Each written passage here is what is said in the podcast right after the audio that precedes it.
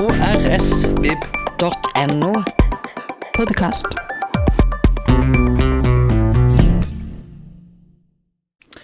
Hei, jeg heter Tore Fjelstad og har da gleden av å ønske velkommen til KRS Bibpod-serien Boka mi.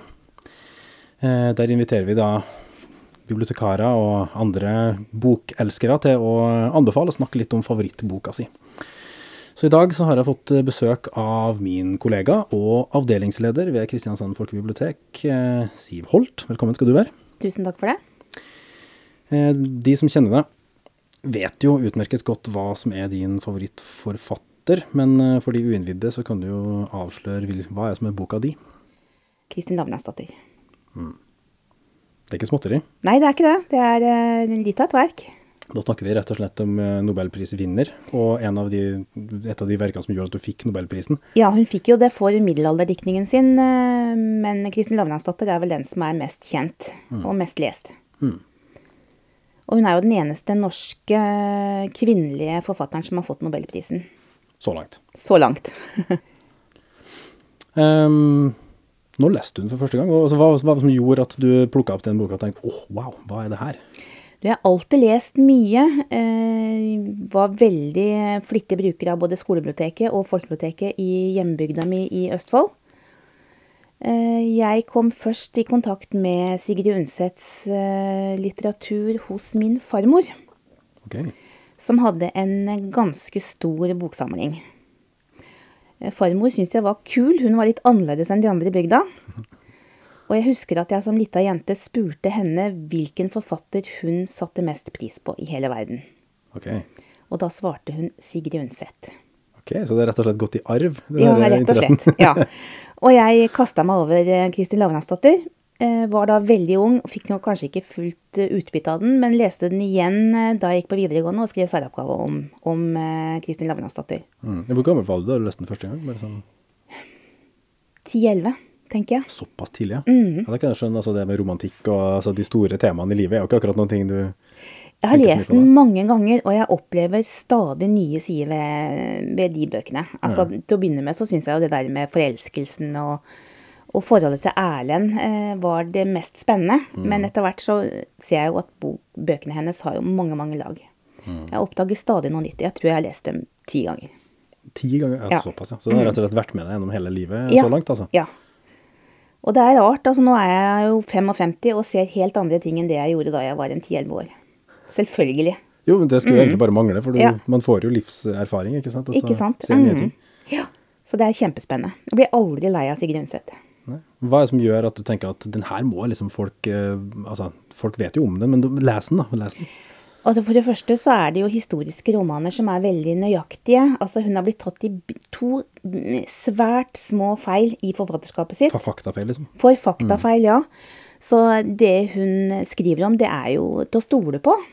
Eh, Hun beskriver jo eh, historiske hendelser veldig nøyaktig. Altså Hun var jo datter av en arkeolog og veldig preget av det. Litt opptatt av at det skal være korrekt. Ja, så hun er altså tatt i to svært små feil i forfatterskapet.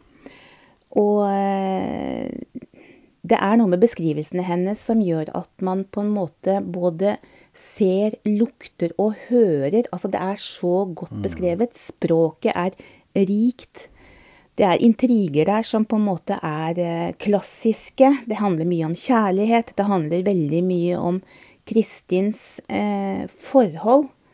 Eh, og da tenker jeg i vid forstand, altså spesielt til å begynne med forhold til faren Lavrans, som er veldig sterkt. Eh, og det er så riktig beskrevet gjennom en ung jentes øyne, syns jeg. Altså, Sigrid Undset husker tydeligvis veldig godt hvordan det var å være lita jente. Ja, ikke sant?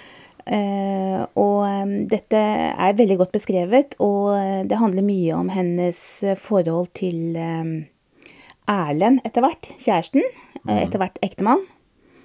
Og det handler også om Kristins forhold til intet mindre enn Gud. Så det, det er liksom de store Det er livet og kjærligheten og døden og Ja, rett og slett. religionen og alt. Og det er eh, Man blir jo aldri lei av dette. Nei. Det, høres det er jo veldig universelt, da. Det er det. Nå må jeg jo innrømme at jeg har jo ikke, har jo ikke lest de her bøkene. Nei. Eh, Jeg var jo en av de som ble mm, tvunget til å se filmen eh, på videregående. Ja. Eh, Og det er klart å se den filmen sammen med en hel, et helt trinn på videregående som sitter og Det, det er Ja. ikke Det var kanskje ikke helt settinga for å se Og det er en litt sånn saktebevegende film. Mm, det er det. Eh, Liv Ullmann, ikke sant. Ja. Um, så jeg vet ikke om eh, Altså, hva, hva synes du? Du har sikkert sett den filmen også? Jeg har det. Ble jo skuffa, selvfølgelig. Altså, det Jo, det, sånn blir man jo ofte Ja. med Mm, filmatiserte bøker. da. eh, verket er jo så mye mer omfattende enn akkurat det som får plass i filmen. Og jeg tenker Mm. mye av den indre dialogen kommer selvfølgelig ikke fram på noen film. Eh, og her er det jo eh, universelle, store ting som eh, Kristin går og, og grubler over. Ja, ikke sant. Mm.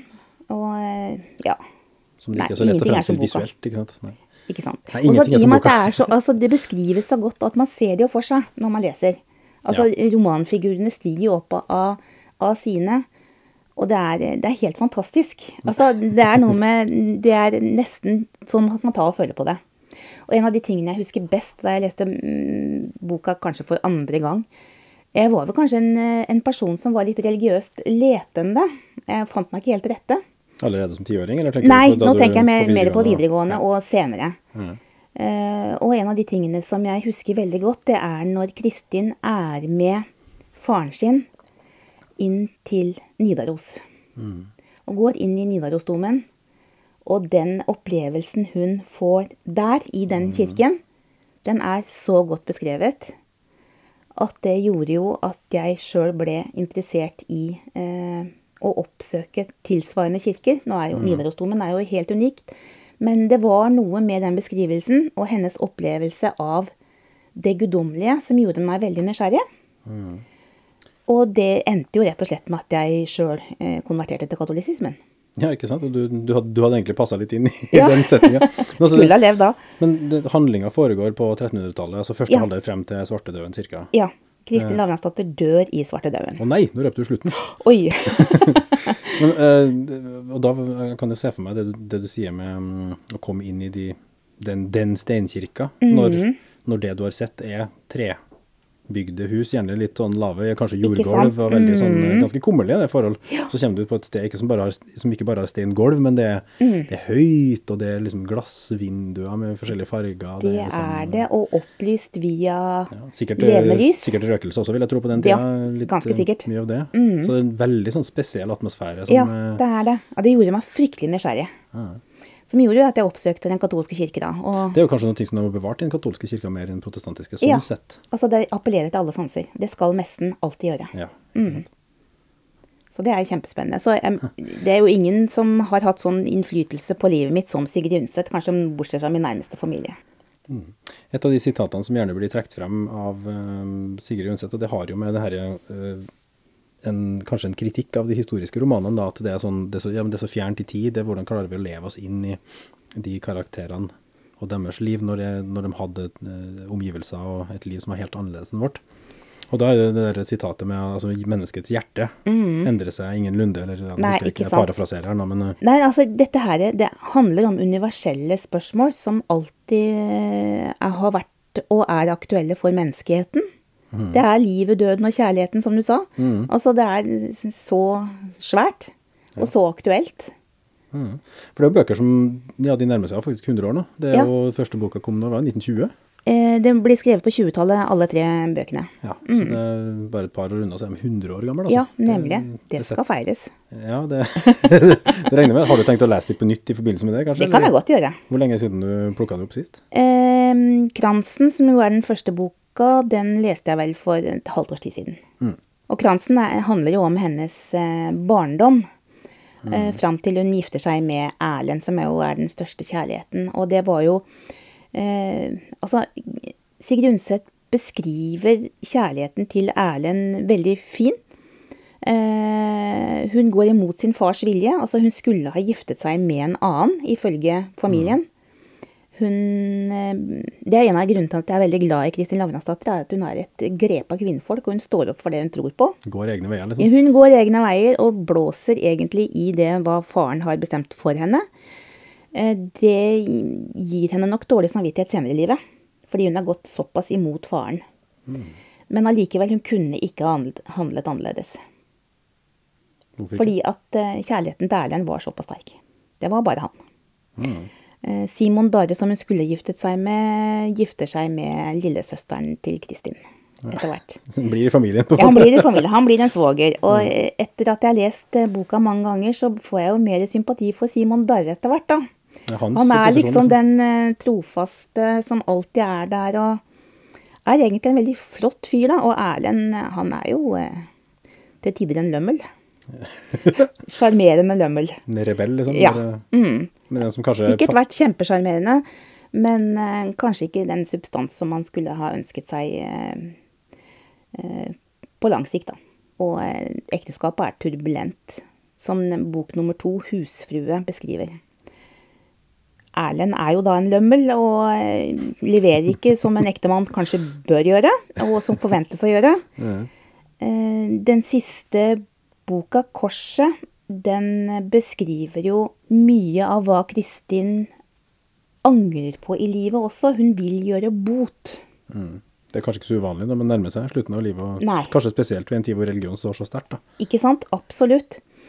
Og hun eh, setter jo da spørsmålstegn ved sine egne valg, kanskje spesielt i, med hensyn til valg av ektemann. For det gjorde jo sitt til at forholdet til eh, faren eh, ble litt vanskelig. Og er det noen Kristin var veldig glad i, så var det nettopp Lavrans faren. Eh, Forholdet dem, dem imellom det beskrives på en utrolig varm og flott måte. Alle pappajenter kan kjenne seg inn i den. Ja, ja, ikke sant? Meg sjøl inkludert. Eh, og Kristin gjør da bot. Hun gir bort Gjørundgård, som da er gården til, eh, nei, til Erlend og seg sjøl, til sønnen sin. Og eh, drar til Rein kloster og eh, gjør bot i, for, i form av å stelle folk som eh, er blitt syke av pesten. Ja, og da går det jo som det kanskje Ja, forventes hun å gå. dør i 1349. Ja. Det er jo en veldig spennende tid. Det er det. Du beskriver altså tida før svartedauden. Tida etter er selvfølgelig spennende, ennå, men, men svartedauden var på en måte en sånn fornyer. Det var det. Altså det er utrolig mye som tok slutt. Ja. Og så ga det, gir det, det er som når, du brenner ned en skog, ikke sant? så Ja. gir det grunnlag for at noe nytt plutselig ny vekst. Ja. Mm. ja. Så det er en veldig sånn brytningstid, da. Det er det. kommer Mm. Men hvor- føyer, altså bare for å ha snakka litt om det, de her Olav Audunson-bøkene som kom etterpå, altså hvor legger de seg Altså det, er jo, det er jo i middelalderen dette her òg. Altså det er jo på en måte ikke så kjente bøker, men mm, eh, personskildringene i de bøkene syns jeg er bedre enn hos Kristin, faktisk. Okay. Men allikevel så er det Kristin Lavransdatter jeg stadig vender tilbake til. Mm. Så Eh, det er, noen, jeg- det er noe ekstra med dem, liksom? det er det. eh, Jeg vet ikke, jeg klarer ikke helt å forklare hvorfor. Det har noe med følelser å gjøre, tror jeg. Og de er jo ikke alltid rasjonelle. Jeg blir veldig glad i Kristin, Mm. og ikke minst faren.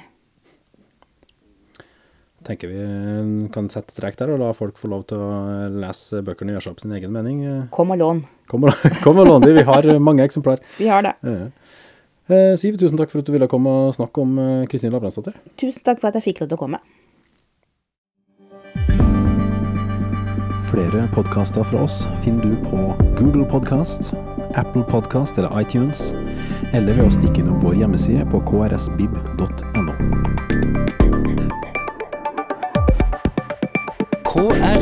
krsvib.no. Podkast.